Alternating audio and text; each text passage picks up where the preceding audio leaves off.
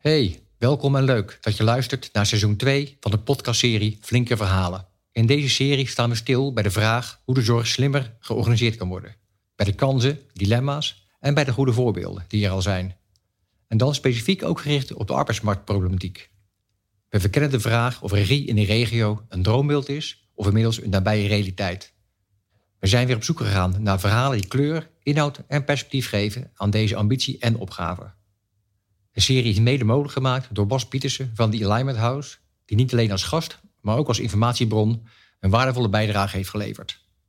Mijn naam is Barry Popma van Flink Veranderen.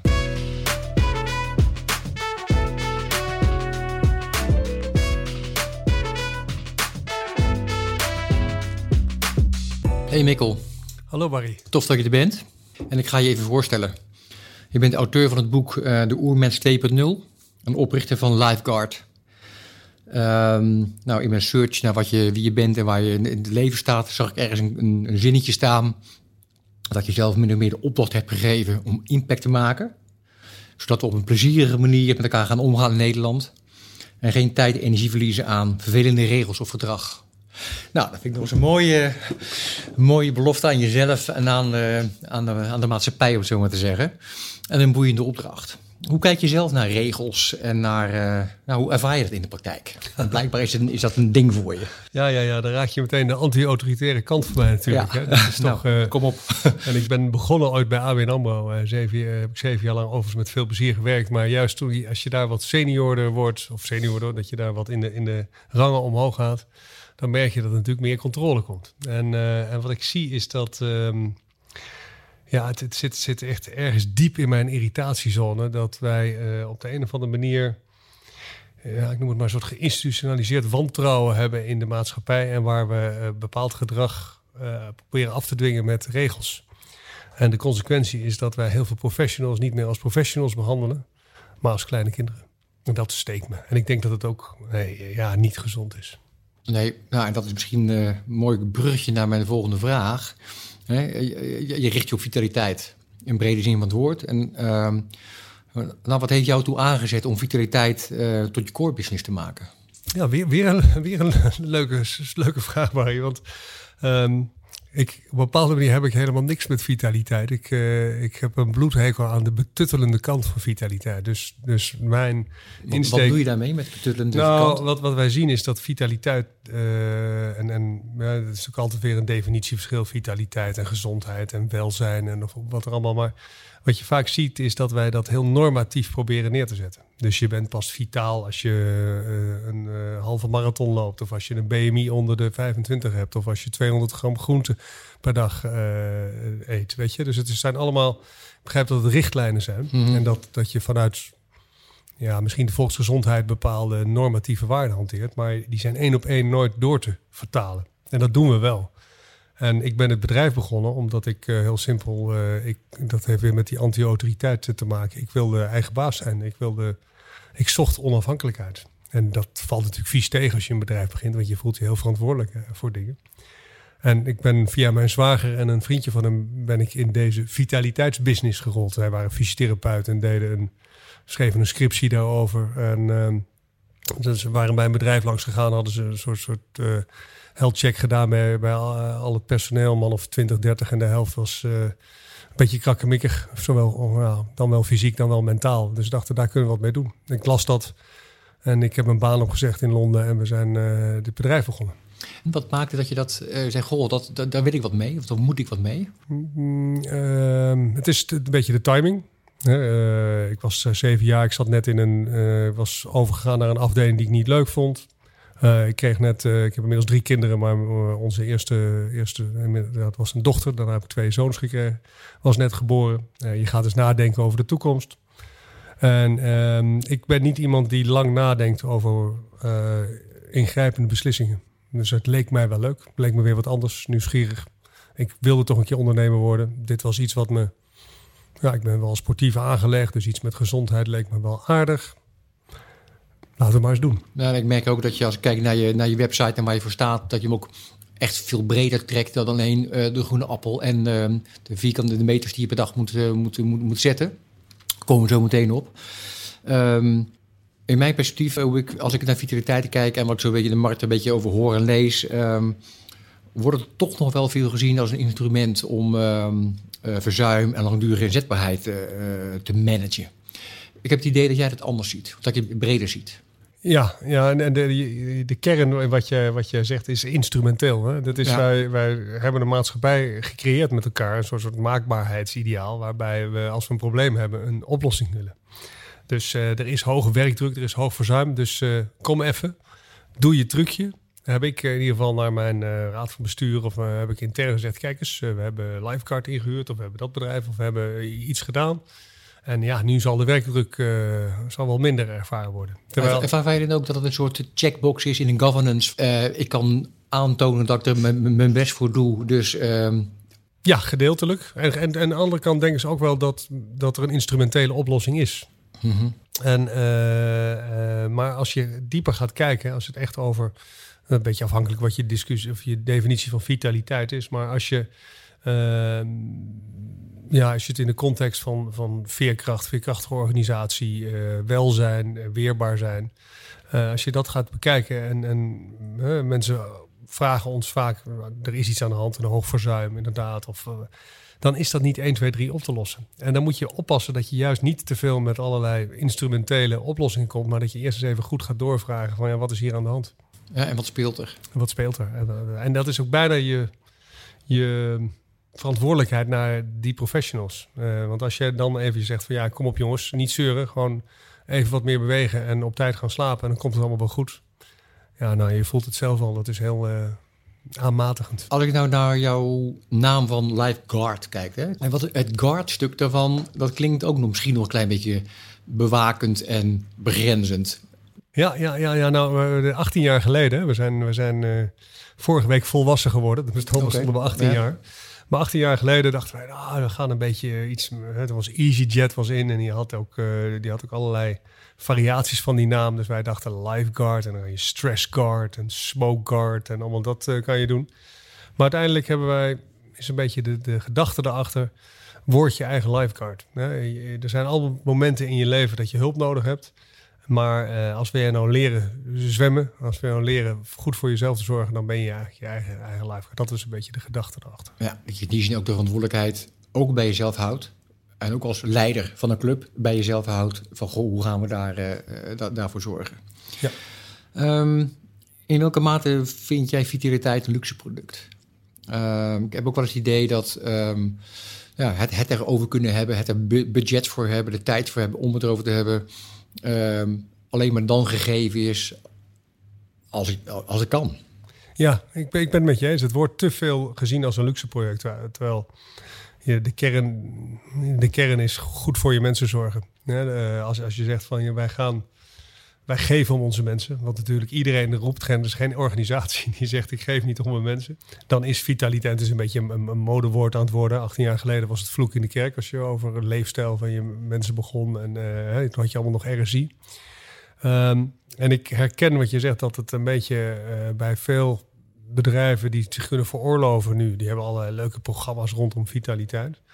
Maar de kern zit natuurlijk in uh, dat jij een organisatie, hoe mooi zou het kunnen zijn? En, en dat is, als ik bijvoorbeeld naar mijn eigen organisatie kijk, dan durf ik mijn hand in het vuur te steken dat het feit dat mensen bij mij werken, uh, zorgt ervoor dat ze langer en gelukkiger leven. Dus het draagt bij aan hun gezondheid. Uh, dus eigenlijk is het werk een buffer voor al het andere wat het leven je brengt. Omdat je leuke sociale contacten hebt, inhoudelijk werk door kan groeien. Het is emotioneel veilig. En er zijn heel veel organisaties waarbij, als je goed kijkt, het werk afbreuk doet aan de gezondheid. En we hebben natuurlijk enorme stappen gemaakt. Hè? Als je honderd jaar geleden, dan had je echt die kant, dus, dus de hygiëne en de Philips en Axo's, die hadden het goed voor elkaar. Die begrepen op een gegeven moment, ja, wij gaan gewoon goede huisvesting voor onze uh, medewerkers inrichten. Zodat ze inderdaad die ja, uh, basisbehoeften en basishygiëne goed was. En dat heeft een enorme stijging gegeven. En natuurlijk arbeidsomstandigheden hebben enorm in, in uh, ook door de vakbonden en zo, hebben we echt, echt stappen gemaakt. Maar nu is het vooral die mentale gezondheid, die chronische stress. Ja, chronische stress is natuurlijk ziekte bijna nummer één. Dat denk ik wel. waaraan te werken zou moeten zijn. Wat, wat, wat zie jij daar als meest belangrijke oorzaak van, uh, Mikkel, als het gaat om de stress? Is dat uh, vragen te veel van mensen? Is het de, de, de omvang, de complexiteit, schakelmomenten?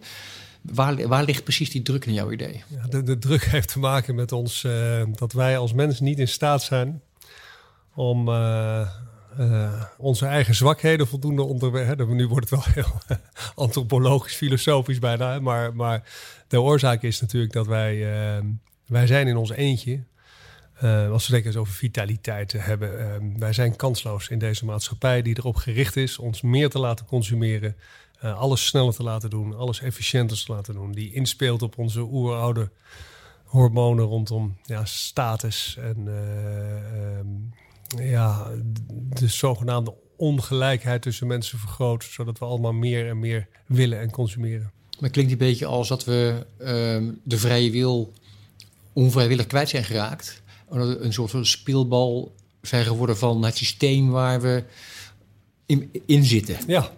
Ja, dat, en en uh, ik heb zelf bij een grote organisatie, ik ben zeven jaar, zei ik net, bij ABN AMRO gezeten. En, en, en, die grote organisaties, die, die bieden heel veel. Maar als je er te lang blijft zitten uh, en niet uh, voldoende kritisch bent, dan um, heeft dat een enorme impact op, op, op je leven. Wat je ziet is, is, je wordt een onderdeeltje van een groter geheel. Het is moeilijk om kritisch te blijven denken. Het is, uh, de, de regeldruk is, is hoog in dit soort bedrijven. Um, dus het is moeilijk om je daaraan te ontworstelen. en je, wat je natuurlijk gebeurt, is dat het een bepaalde status geeft. Je krijgt een bepaald salaris. Um, dus je gaat wel verder van je ja, je kern hè, van je oorspronkelijkheid af. En dat doet wat met je. Ja. En wat doe jij daarin met Lifeguard? Wat, wat bied jij mensen en, en organisaties op dat thema? Nou, eh, eh, behalve dat ik anti-autoritair ben, als mensen tegen mij zeggen, maar zo gaat het nou eenmaal hier zo.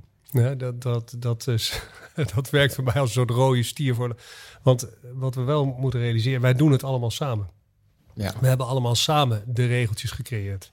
En, uh, en wij zijn toch op een bepaalde manier ook wel erg volgzaam. We volgen de groepen, dat is veilig. Dan denken we, nou ja, zo gaat het hier al jaren.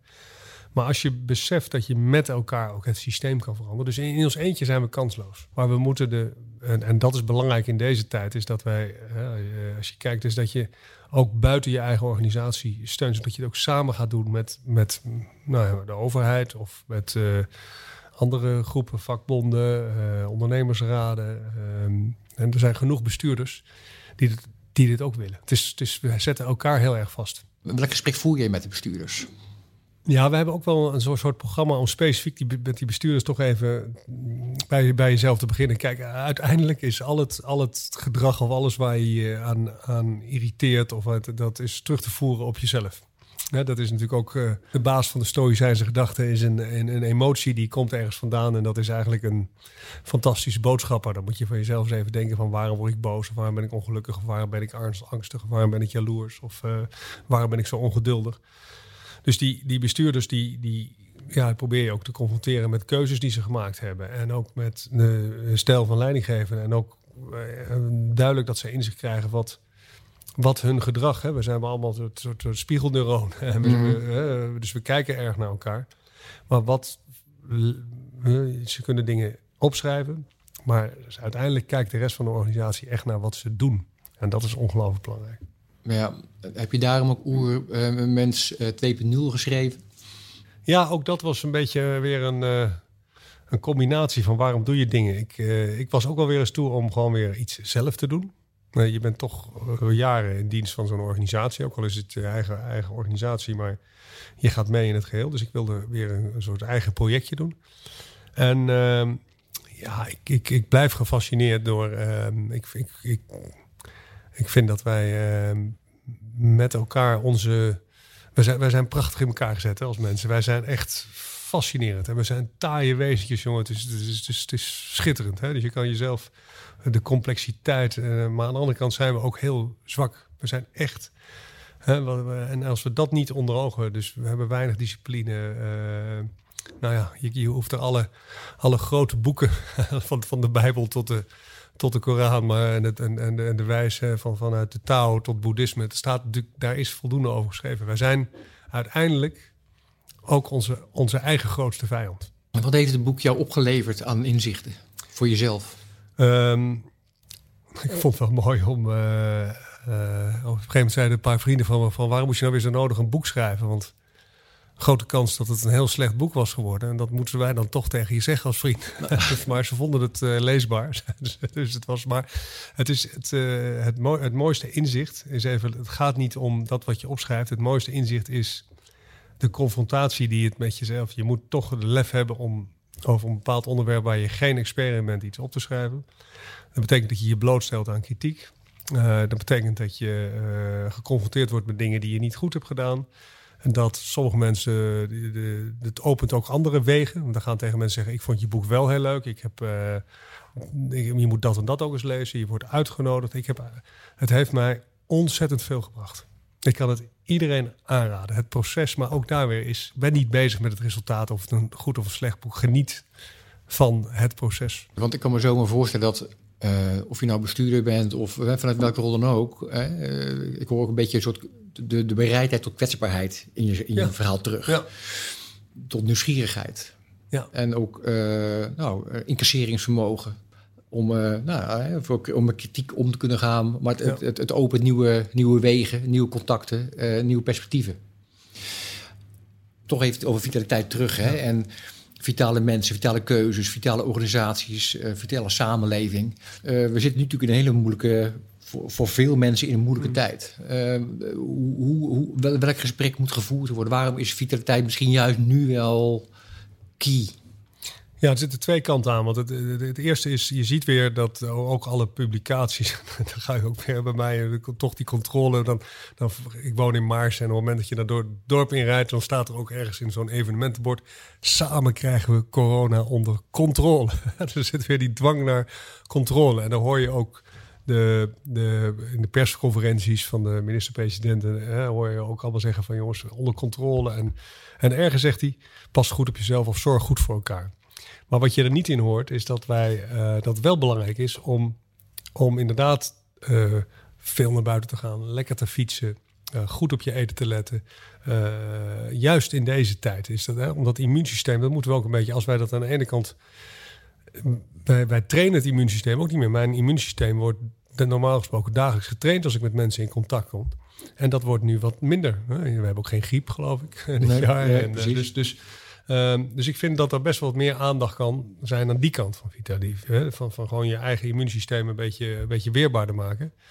En uh, dus, dus, dus dat is zeg maar de, de, de, de ene kant uh, van, van het verhaal. De andere kant is dat wij um, moeten begrijpen dat het heel normaal is dat we in paniek zijn. Dat we dit eng vinden. Dat we uh, stress ervaren. Dus we moeten gaan normaliseren. En en het beste is om dat te doen, is om met vrienden erover te praten en te zeggen van uh, ik maak me hier echt wel zorgen over, of ik ben angstig, of ik, uh, ja, ik maak me zorgen om mijn moeder, of ik maak, weet je, dat soort dingen. Dus, dus, want het is heel, weer een beetje terug naar die kwetsbaarheid. Het is doodnormaal dat je je ontzettend veel zorgen maakt. Ja, maar mooi dat je zegt, iemand die ik nou, waar vroeger veel meer gewerkt heb, die zei wel eens: Goh, we hebben een soort van Ken en Barbie maatschappij. Hè? We, kunnen, we kunnen de golven van die, die we meemaken, die kunnen we niet meer hebben. Ja, want als het te veel de up en de down, we, we, zijn het aan het afvlakken. Ja. En leer, ik hoor je ook een beetje zeggen, leer en eh, accepteer weer dat het,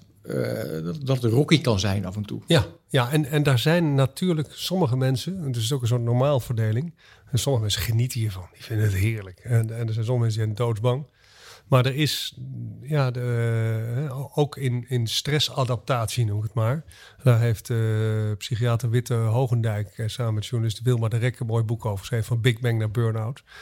Die, die legt ook heel mooi en duidelijk uit. Die zegt, ja, er zit ook in, in omgaan met stressvolle situaties zit ook een soort normaalverdeling. Want wij hebben als maatschappij altijd mensen nodig had die, die in dit soort panieksituaties heel goed daarmee om konden gaan. Maar we hebben ook mensen altijd nodig gehad die als het niet zo stressig is, om daar heel erg van te genieten. En dingen dan uh, ja, in tijden van, van rust, zeg maar, uh, ja, andere dingen te doen. Dus we hebben we hebben verschillende types nodig in de maatschappij. Dus sommige mensen zijn, zijn kwetsbaarder in dit geval. Uh, ook rondom de stress en de mentale kant dan anderen. En daar moeten we rekening mee houden. Nou, wat toevallig en ook wel mooi is dat jij uit de bankaire wereld uh, komt. En een van mijn, vorige gasten in een, de vorige serie, die gaf ook aan van ja, dat is natuurlijk allemaal mooi. Maar we hebben natuurlijk de bankencrisis gehad. En toen waren we allemaal in paniek. Toen zag het allemaal gebeuren. En uh, kort tijd later was het weer terug bij af. Hè?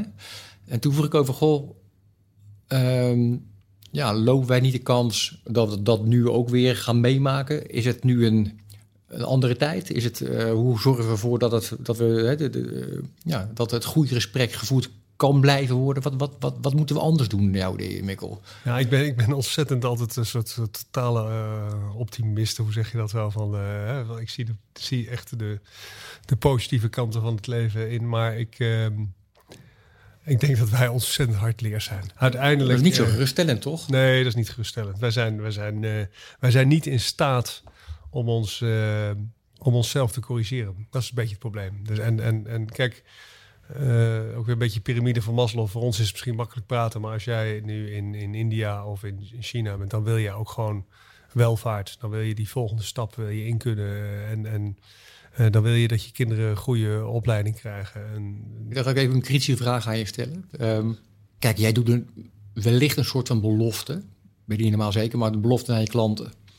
Als je met ons in zee gaat, dan gaan we die weerbaarheid uh, die autonomie, die, die zelfredzaamheid, die gaan vergroten om mensen sterker te maken voor, voor, voor verandering. Um, en in hoeverre, is, dat dan, is dat dan een duurzaam iets? Je zou kunnen zeggen, goh, ja, we zijn hardleers, dus als de pijn even weg is, dan valt de noodzaak om hier tijd, aan en moeite aan te besteden, die valt ook weg. Uh, is, is dat misschien ook gewoon wat het is? Uh, we tijdelijk, tijdelijk poetsen, tijdelijk herstellen, totdat we weer in, in, in een rustiger vaarwater zijn. En is het ook prima dan?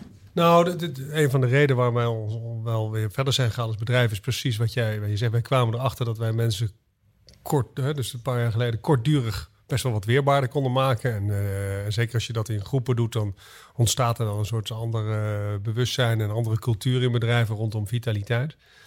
Maar je weet, wist ook dat als je na twee, drie jaar terugkwam, dan, dan waren ze weer terug uh, richting, richting vroeger bij wijze van spreken. En dan kan je zeggen, nou heeft het even tijdelijk wat effect gehad. Af en toe even een APK-keuring. Ja, precies. Hè, dat, daarom doen we dat ook. Dat je toch eventjes, uh, maar wat we nu aan het doen zijn, is dat we wel, wel wat verder gaan. En het is, het is hardnekkig, hè, want je probeert systemen en, en gedrag van mensen te veranderen. Maar wat je wel zegt, is dat je dat het veel meer van het bedrijf zelf wordt. Dus dat je het gaat, gaat neerleggen. We hebben een prachtig traject gedaan bij de Marseillais bijvoorbeeld. Uh, ja, waar, waar echt weer die, die vitaliteit op een manier is dat ze zelf weer verantwoordelijkheid namen. Dat ze zelf uh, in plaats van, nou ja, wat kunnen we uh, niet, gingen kijken wat kunnen we wel. En, en ja, dat, dan, dat is veel blijvender. En, en uiteindelijk moeten we ook wel met elkaar. En dat, dat zijn we allemaal wel aan het doen. Hè. We vergeten het allemaal. Maar toen ik 18 jaar geleden, toen wij begonnen met, met, met vitaliteit, was. De bedrijven deden dat niet. Nee. RSI hadden we, hè, de RSI-programma. Ja, ja. uh, maar nu is het gemeengoed. Je moet er al een beetje bedrijf moet je erin mee. Dus we zijn met elkaar wel stap aan maken. Ja, en ook in de, als je kijkt gewoon het, wat we weten nu over gezonde voeding en, en over bewegen en uh, artsen en hoogleraren, hè, de Erik Scherders van deze mm. ja, dat zijn, dat zijn een soort uh, uh, volkshelden die overal dit praatje doen. Nou, en dat is, dat is echt anders dan 15 jaar geleden. Ja, het klinkt ook als, goh, we moeten ook um, onze zegeningen tellen, onze knopen tellen, ook een beetje geduld hebben, want het zijn bewegingen, maatschappelijke bewegingen, die wat langere tijdshorizon lijken te hebben. Ja. ja. Ik en, en mijn mensen werken heel veel in de gezondheidszorg. Nou, daar is natuurlijk vitaliteit, uh, stress, uh, de eerste coronagolf. Hè. Je ziet nu berichten in de krant ook terugkomen van... nou, zijn we er klaar voor? Zijn de, de IC-medewerkers, de verpleegkundigen, de mensen in de, in de frontlinie... kunnen die de volgende klap hebben? Nou, daar wordt een ontzettend stevig beroep op gedaan. De, wat, wat zou je die mensen willen meegeven? Ja, we, we, dus, hebben ook een aantal opdrachtgevers in, in, die, in die gezondheidszorg. En ehm, ik vind ze over het algemeen altijd de, de minst truttige. ze zijn minder truttig in, in regels en dergelijke. En, en het, is, het is wel een cultuur van aanpakken altijd. Hè, van, uh, uh, maar uh, wat, wat mooi was van die eerste golf, wat je zag in die ziekenhuizen, was dat een hoop mensen weer wat meer ruimte voelden om bezig te zijn met de core van hun vak. Gewoon zorgen voor andere mensen. En, ehm, en dat er wat minder regeltjes waren die ze terugwierpen en waar ze aan moesten voldoen. En er kon weer wat meer. Uh, uh, wat je nu gaat zien in die tweede golf is dat ze zien dat er fundamenteel te weinig veranderingen zijn doorgevoerd in die, in die zes maanden. Er zijn weinig IC-verpleegkundigen, ondanks alles wat we geprobeerd hebben. En wat je dan gaat krijgen is dat er naast de vakinhoudelijke kant ook dingen gaan staan. Ja, maar het is leuk dat je applaudisseert en het is leuk dat we misschien een zorgbonus krijgen, maar echt de fundamentele. Hè? Dus er is weer een beetje, terug naar ons gesprek, een beetje instrumenteel op gereageerd. Terwijl fundamenteel uh, is er te weinig uh, steun gegeven. Dus, uh, dan bedoel ik echt in, in structuur of in opleiding of aantal regels wegnemen of, of uh, zorgen dat mensen in de tussentijd echt eens even goed herstelden. En ehm, ik denk dat we heel erg, ja, misschien is het is ook wel korte tijd geweest. Hè? En dat je, dat je nu dus ook iets gaat krijgen van ja, wij hebben het weer zo druk. En leuk dat jullie allemaal klapten, maar houden jullie nou eens even aan die regels? Want wij zien hier de ellende. Dus je krijgt ook weer dat er. En als je dat gaat krijgen, dus die veel polarisatie, dat is wel moeilijk hoor. Dus je moet. Uh, ja, echt gaan zorgen dat, dat die teams overeind blijven. En wat ik hoorde uh, van de ziekenhuizen waar wij wat doen, is dat er nu meer mensen, uh, meer personeel ziek is dan de vorige keer. Ook omdat er veel meer getest wordt. En dus de druk op die ziekenhuizen wordt aanzienlijk hoger. Ook al hebben we minder patiënten op teams. Er zijn gewoon, soms zijn er, zijn er gewoon echt te weinig mensen, omdat ze dan thuis moeten blijven, omdat ze positief getest zijn. Ja, het lijkt me ook wel een moeilijke opgave aan, aan, aan, de, aan de, ene kant. Hè, want ik ervoer ook een soort van zucht van verlichting ergens in de zomer. Goh, hè, het, is, uh, het is over. Ja. Hè, we durven het niet hardop te zeggen, maar het gevoelsmatig. Hè, we, we, we, we, hebben het gered. Um, ik heb ook, ook wel verbaasd over de, niet, niet zozeer de bereidheid, maar meer het gevoel van hè, die tweede golf komt hier aan. Het lijkt wel of we daar toch een klein beetje de kop in het zand gestoken hebben. En we hebben willen negeren. Ja, maar dat is, dit is ook zo typisch menselijk. Hè? Een soort cognitieve dissonantie, het wegredeneren. Wij zijn, wij zijn er verschrikkelijk goed, goed in om, om onszelf voor de gek te houden. En, uh, en het is natuurlijk, ja, het is dit pijn om een aantal van die dingen toch, toch te accepteren en te doen. En, uh, ik, ik vind best, ik, uh, ik heb de wijze, wij hebben de wijze niet in pacht. Dus het is volgens mij heel erg sterk ook samen met je, met je klant en opdrachtgever kijken van waar is behoefte, wat dingetjes uitproberen, aandacht geven, uh, veel sociale steun. Nou, wat ik mooi vind in wat je jouw bedrijf zie, um, je bent geen regulier trainingsbureau. Ja, je bent geen vitaliteitstrainingsclub. In ieder geval, zo, zo, zo zie ik het niet als ik uh, naar jullie kijk omdat jullie op gewoon meer op een integrale manier het, het, het, thema aansnijden. En ook echt wel dialoog met die, met die leiders uh, van, de, ja. van de club uh, voeren. Um, ik ben naar een wat ma meer macro-stuk, uh, Mikkel. Ja. Kijk, die vitaliteit, die is veel, veelal nog een, een, een onderwerp of een probleem wat bestuurders binnen hun eigen muren van een instelling ervaren. Ja. Ik heb het op te lossen. Ik heb een probleem binnen de vier muren van mijn bedrijf. Nou, ik, ik, hoor ook wel geluiden van, goh, we hebben meer regionale aanpak nodig. We moeten veel meer verbinden. Maar ik zie daar nog relatief weinig initiatieven op ontstaan. Um, die, die, die, wat grotere arbeidsmarktproblematiek en vitaliteit. Wat is jouw visie daarop? Ja, uh, nou wat we gezien hebben, uh, wat was het een maand geleden of zo, hebben wij twintig HR-directeuren van grote organisaties uitgenodigd voor uh, een tweetal zomeravondgesprekken. En dus gevraagd over de toekomst van werk. Wat, wat, wat, wat zien we nu? En een van de belangrijkste dingen, uh, voorwaarden voor vitaliteit, is het hebben van uh, uh, een goede baan. Ja, dus meaningful work. Hè? Dus, dus mm -hmm. ja, Zingeving op je. Ja, gewoon ja. maar een, een ja, een werk wat ertoe doet. dat, uh, gaat niet om het aantal uh, geld wat je verdient, maar uh, denk ook aan een leraar of vuilnisman. Dan kan je heel makkelijk, weet je, dat zijn belangrijke de toegevoegde waarde is, is heel belangrijk van, de, van, van, dat, van dat werk. Hè? Ja. Je, je, hebt op een gegeven moment dat je de term bullshit jobs. maar waar, waar, wat, wat, wat uit die discussie naar voren kwam, was dat we door deze versnelde digitalisering waarschijnlijk sneller afscheid gaan nemen van bepaalde mensen die niet meer mee kunnen komen. En waar daar vroeger een plaatsje, letterlijk werd gezegd, er was een plaatsje in de herberg voor deze mensen. Mm -hmm is nu door alle efficiëntieregels en de druk van aandeelhouders, en, uh, maar, maar ook, wel, ook wel van concessies die gegeven worden, uh, is er geen plek meer voor die mensen. En er is altijd gezegd, ja, maar met digitalisering krijg je nieuwe banen. Uh, maar de vraag is of die nieuwe banen nu wel meaningful jobs zijn. het, als je op je vijftigste weer pizza's moet gaan rondbrengen voor, voor Uber, is dat, is dat wat we willen met elkaar. En wat betekent dat voor de maatschappij? Dus dat is als je het echt over vitaliteit hebt, hè, de, maatschappelijk, is dat wel iets waar, waar, we, nou, waar, we, waar iedereen zich zorgen over maakt. Die grote, grote bedrijven. En de andere kant is dat als het echt wat over vitaliteit is, veel meer beleidsmatig. Ja, dan moet je paal en perk stellen aan het gebruik van uh, telefoons voor jongeren. Uh, dan uh, ontkom je niet aan iets van een sugar tax of suikertax. Hè? Ja, ja. Dan, dan zal je toch een aantal dingen zo moeten gaan inrichten dat we wel echt dat vitale gedrag gaan doen. Want het, het zit in het diepst van ons, ons wezen. Willen wij gedragen wij ons anders op basis van de, de prikkels die we nu krijgen in de maatschappij die we nu krijgen. En dat is die prikkels leiden tot ongezond gedrag. Ik las toevallig vanochtend een artikeltje of een post uh, uit de trouw. Hè, dat iemand zei: Goh, er is meer lef nodig. om gewoon te zeggen: jongens, zo gaan we het doen. Ja. Hè? je noemt wel de, de sugar tax. Ehm, nou, toch even naar je allergie. Eh, de, de regel, eh, iemand die bepaalt voor je hoe het zal zijn, is natuurlijk een ontzettend ingewikkeld onderwerp. waar ligt nou die verantwoordelijkheid? En kun je hem helemaal leggen bij mensen uh, in een systeem, wat we net al zeiden, waar je het soort van speelbal van bent of lijkt geworden te zijn. En moet, moet niet iemand bovenin zeggen, jongens, of het nou de overheid is, of een burgemeester, of uh, een CEO van een bedrijf, jongens, ja. we gaan rechtsaf. Ja. En zo gaan we doen.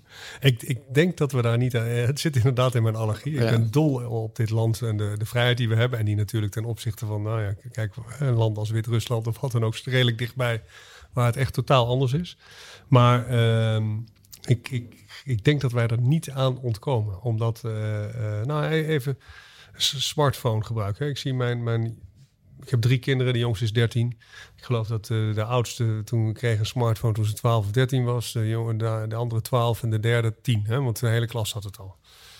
Ja, ik ben als ouder kansloos. Kansloos tegen het gebruik van die, van die dingen. Het is echt, ja, maar ik moet het voor school en ik moet het voor dit. En het is toch handig als ik bereikbaar ben. En ik, het is bijna een smeekbede van laten we met elkaar roepen. Geen smartphones meer tot 12 jaar, 16 jaar. Uh, in mijn eentje ben ik. ik, kan, ik kan niet handhaven. Ik doe mijn best. Uh, en ik ben ervan overtuigd. Ik heb laatst ook natuurlijk die, die film waar veel mensen nu de Social Dilemma en zo wel gekeken, maar ik wist dat het al langer speelt. Um, de, de, het brein en de gedachten uh, van onze kinderen worden gegijzeld door dit soort apparaten. Nog even een prikkelende vraag, Bagger Bikkel. Want jij bent, jij bent CEO van je gezin.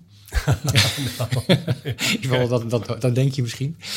Uh, formele zin. Hè? Um, dus ik ben ook nieuwsgierig naar op welk level um, heb je dan wel invloed? Dus uh, of je nou CEO van je gezin bent, of uh, CEO van, van een club waar, waar, jij verwerkt, of een grote zorginstelling, of van een provincie, of weet ik wat. Wanneer ligt dan, waar ligt dan het punt dat je kunt zeggen: oké, um, ja, ik maak onderdeel uit van een systeem eh, wat met mij aan de haal wil. En ik vind het allemaal best en prachtig. Maar ik kies ervoor om hier, wij spreken, in mijn huis, of nou thuis is, bedrijf of waar dan ook, die smartphone niet toe te laten. Ja.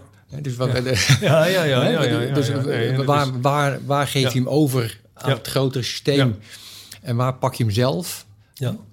Kijk, je hebt natuurlijk idealiter, en dat zeg je met je organisatie en ook zeg je van, zijn wij met elkaar, met, met, met het gezin, in mijn geval mijn vrouw en drie kinderen, met z'n vijven, zeggen we, dit spreken we af met elkaar. Zo gaan we dit doen. Daar staan we allemaal achter. Ja, wordt hard aangetrokken aan alle kanten. hard aangetrokken. En, uh, en ik weet alles van gedragsverandering. Maar als je mij soms hoort ageren tegen die dingen, dat helpt natuurlijk niet. Weg met die up de pup dingen en dit en dat. En dat is natuurlijk een soort frustratie die eruit komt. Dus uh, ik merk dat, dat uh, wij met, met mijn gezin niet in staat zijn om dat te doen. Ja. Dus ik heb daar hulp bij nodig. Ja, maar dat is een mooie, want die hoor ik ook een stukje terug al in, in je antwoord terug. eigenlijk zeggen heel veel mensen onbewust om, hè, van ja. help mij. Ja. Eh, maar wie moet dan die hulp bieden? Uh, het feit dat ik dit uitspreek, nu hier, uh, gaat betekenen dat er iets, ik heb iets in werking gezet. Oh ja, er komt iets dus komt iets in beweging. Komt iets in beweging. Ja, zeker. Dus de, en als meer mensen dat gaan zeggen, dan gaan wij met elkaar een, een afspraak maken. En dat kan op een gegeven moment uh, op school. We, we, wij gaan regels op school. Of je gaat daar vanuit een ouderraad mee praten. Er komen in de, in de politiek worden er. De, dus dit is, we moeten niet vergeten dat we met een techniek nu werken die, nou, wat is het, 10, 15 jaar pas echt bezig is. Um, dus daar gaan we ons op aanpassen. En, uh, en wij zijn nu, ja, ben heel benieuwd. Uh, weet je, vroeger werd er nog gerookt in het vliegtuig. Ja. dat heb ik ook allemaal geaccepteerd. Dus we gaan best de goede kant op. Ik ben niet cynisch. Nee, nou, wat wel mooi wat je zegt is, uh, die hulpvraag, um, dat is ook een vorm van kwetsbaarheid. Hè? Ja. als meer mensen ja. durven zeggen, weet je, ik weet een hoop, maar niet alles. En op dit onderwerp weet ik het even niet. Ja. Dus laten we Hè, laten we met elkaar daar eens naar kijken. Want we hebben natuurlijk, nou, dat is een beetje mijn persoonlijke visie, maar we hebben natuurlijk met elkaar een grotere opgave te managen. Ja. Hè, en wat je zegt, alleen bij je, bij je weerloos of alleen bij je stuurloos. Of, hè, dus je moet het in die zin toch naar het bordje in Maarsen. Samen, samen krijgen we het onder. Ja. hè, maar je moet, ergens moet je, dat, uh, moet je toch ook die vraag maar even stellen. Niet weten wat het antwoord is. Ja. Niet weten wie erop staat. Ja. Maar, maar zelfs, in, zelfs als jij nu het antwoord niet hebt en ik heb het antwoord niet en we gaan erover praten, dan misschien vinden we het antwoord. Ja, dan, dan, gebeurt er wat. Dan gebeurt er wat. Nee, dat klopt. En dat is, uh, dus daarom is het ook zo goed met elkaar dat jij uh, een kritische vraag stelt of dat je zegt van ik ben het daar niet mee eens. Dat zet me meer aan het denken dan dat ik zeg van oh, wat, wat, wat, goed en wat leuk. Er komt mij ook wel gedachten op over leiderschap. Hè? Over uh, of het nou persoonlijk leiderschap is of leiderschap aan, aan de club. Welke leiderschapsgedachten uh, zou hier nou meer post moeten vatten? Ja, ja, ik, moet, ik moet een beetje lachen over die leiderschap. Ik doe er zelf ook wel aan mee hoor. Maar je ziet dat al die, al die leiderschapsprogramma's, hè, mm. waar, waar iedereen, wat heeft het nou eigenlijk allemaal opgeleverd? Hè? Van uh, ja. authentiek leiderschap en uh, hoe leer je agile werken en dingen. En uh, ik, ik, ik propageer steeds meer gewoon lekker werken. Hè? En, en um, ja, leiderschap dat, dat groeit. En dat Is het overrated? Ja, ik vind, ik vind het totaal overheen. Al die managementboeken, man, het, het is toch al die, al die Amerikaanse... Eh, ik, ik, per definitie vind ik Amerika nu niet echt een voorbeeld. En Amerikaanse bedrijven vind ik ook niet echt een voorbeeld in deze wereld. Uh, dus waarom accepteren wij allemaal managementboeken van Amerikaanse goeroes? Ja, ik uh, gaat er bij mij niet in. Ik, wil, ik ben best nieuwsgierig. Ik vind dat ik ze moet lezen om er iets van te vinden. Maar uh, Nee, ik, eh, ik vind dat we dan weer heel snel weer achter iets aanlopen. Dus weer de nieuwe hype. Ik kan me ook voorstellen dat heel veel mensen in bedrijven op een gegeven moment denken... God, gaan we weer. Gaan we weer. Weer een nieuwe... Gaan we weer dit doen, dan gaan we weer dat doen. Moet ik weer werken aan agile en purpose en vitaliteit. ik moet ook zelf... Mm Daar moeten we ook een beetje mee oppassen. Hè? Het gaat er eigenlijk wel van... Uh, ja, hoe organiseren wij nou een belangrijk deel van ons leven, namelijk werk... zodat het bijdraagt, dat we het gevoel hebben dat we gewaardeerd worden... dat we er gezonder van worden... Ehm, dat we er allemaal wat aan hebben. Dat we en, en, dat, dat lekker werken. Misschien begint dat wel een nieuwe hype. ja, maar, moeten we, ja, dat... Geef daar wat woorden aan. Wat, wat is dan lekker werken? Nou ja, wat je nu ziet in deze, in deze crisis... en dat kwam ook uit dat gesprek met die, met die HR-directeur... we kregen ook van een aantal mensen terug... ik twijfel al een beetje over mijn werk... maar nu ik helemaal geen collega's meer zie... vind ik het echt helemaal geen bal meer aan. Mm -hmm. heb ik echt... Wat een, wat een stom werk doe ik eigenlijk. En gewoon lekker werken is, is uh, uh, je, je, hebt al dit ja, van onze purpose moet in lijn zijn met de purpose van het bedrijf. En allemaal dat soort, soort, ja, dat is allemaal prachtig. Maar er zijn heel veel mensen die gewoon prima vinden om met een leuke collega een ding te doen. Een ding te doen. Lekker een beetje, hè, we hebben vroeger veel voor, voor Waternet gedaan. Uh, er zitten mannen die het drijfvuil op, die zitten de hele dag buiten op een boot lekker uh, ja, die grachten schoonmaken. Dat is natuurlijk wel prachtig mooie schoon. Maar, heerlijk. Dat zijn een vuilnisman of een uh, lopen in een ziekenhuis. Genoeg purpose. Maar ook een bank. Genoeg purpose. Ja. Als wij, uh, ik ben hartstikke blij dat ik er deel van maar gewoon, ik werd laatst gebeld, want mijn zoontje had iets met mijn bankrekening gedaan en ze probeerde 1500 euro van mijn rekening. Dan werd ik gebeld door de fraudebestrijding en ik kan een tikkie sturen en ik weet als ik daar dat geld neerzet dat het er over een maand ook nog is en dat ik beschikbaar. Dat is heel goed. moet het niet zo, niet zo moeilijk doen hè, met al die dingen. Ja, dus omdoen van de, de demystificering wel, maar, maar moeilijk ja. woord erin te gooien van god, doe maar, doe maar even gewoon. Ja, Ja, en, en doe maar gewoon, is, dat is ook een beetje in Nederland zo van... van uh, ik, ik daag je wel uit om een beetje lef te ja, hebben. dat wil ik zeggen. Want doe maar gewoon kan ook betekenen... uh, goh, het gaat wel aan mij voorbij. Ja. Hè? Want uh, tot aan de volgende golf, we zien wel. Dus je moet wel ergens gewoon en tegelijkertijd ook kritisch durven zijn. Ja. Op, op, op, op, gewoon gewoon lekker speelt. kritisch of gewoon lekker uh, nieuwsgierig. Of uh, kijk, je, het, is, het is ook wel survival in zoverre dat je wel mee moet gaan. Die, die tech, ik ben, ik ben ge, absoluut geen technofoob. Ik vind het fascinerend. Ik, het heeft heel veel gebracht, maar je weet ook dat het, ja, en dat je dus, dus om mee te doen in deze maatschappij, moet je ook wel gewoon je bepaalde dingen daarvan eigen maken. Dus het is niet uh, gewoon lekker werken. En, uh, en uh, ik vind ook wel dat het leven is onverbiddelijk. Hè? Het leven is meedogenloos. Dus je, daar moet je wel voor wapenen. En, en als jij de mogelijkheid hebt dat jij wat beter kan wapenen dan andere mensen, dan vind ik het een soort. Ja, dat klinkt wel heel overdreven, maar een soort. Misschien is het een beetje zo opgevoed. Dan zorg je ook voor de mensen die wat minder meekomen. En misschien zijn want misschien is, komt er ook een moment in je leven dat jij een keer hulp nodig hebt. Ik kan morgen een, uh, een TIA krijgen. Uh, en uh, dan ben ik zeer hulpbehoevend. Dan zijn er opeens de kaarten anders geschud. Anders geschud. Dus hou daar ja, maar rekening ja. Hey, wat zou je, dat is mijn laatste vraag, Mikkel. wat zou je Zorg Nederland toewensen voor de komende periode?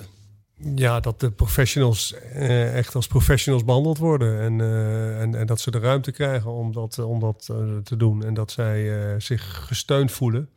Niet alleen in woord, en, en, maar ook, ook echt, echt in daad. En, en, dus dat er echt wel structureel wat dingen kunnen verbeteren in die, in die gezonde zorg. En ik moet eerlijk zeggen, als je als je, als je de professionals spreekt, als je artsen spreekt, verpleegkundigen ook, maar ook de, de Gommers hoort en de Ernst Kuipers, dan denk ik, goh, dat zijn wel echt hele capabele mensen hè, die daar zitten.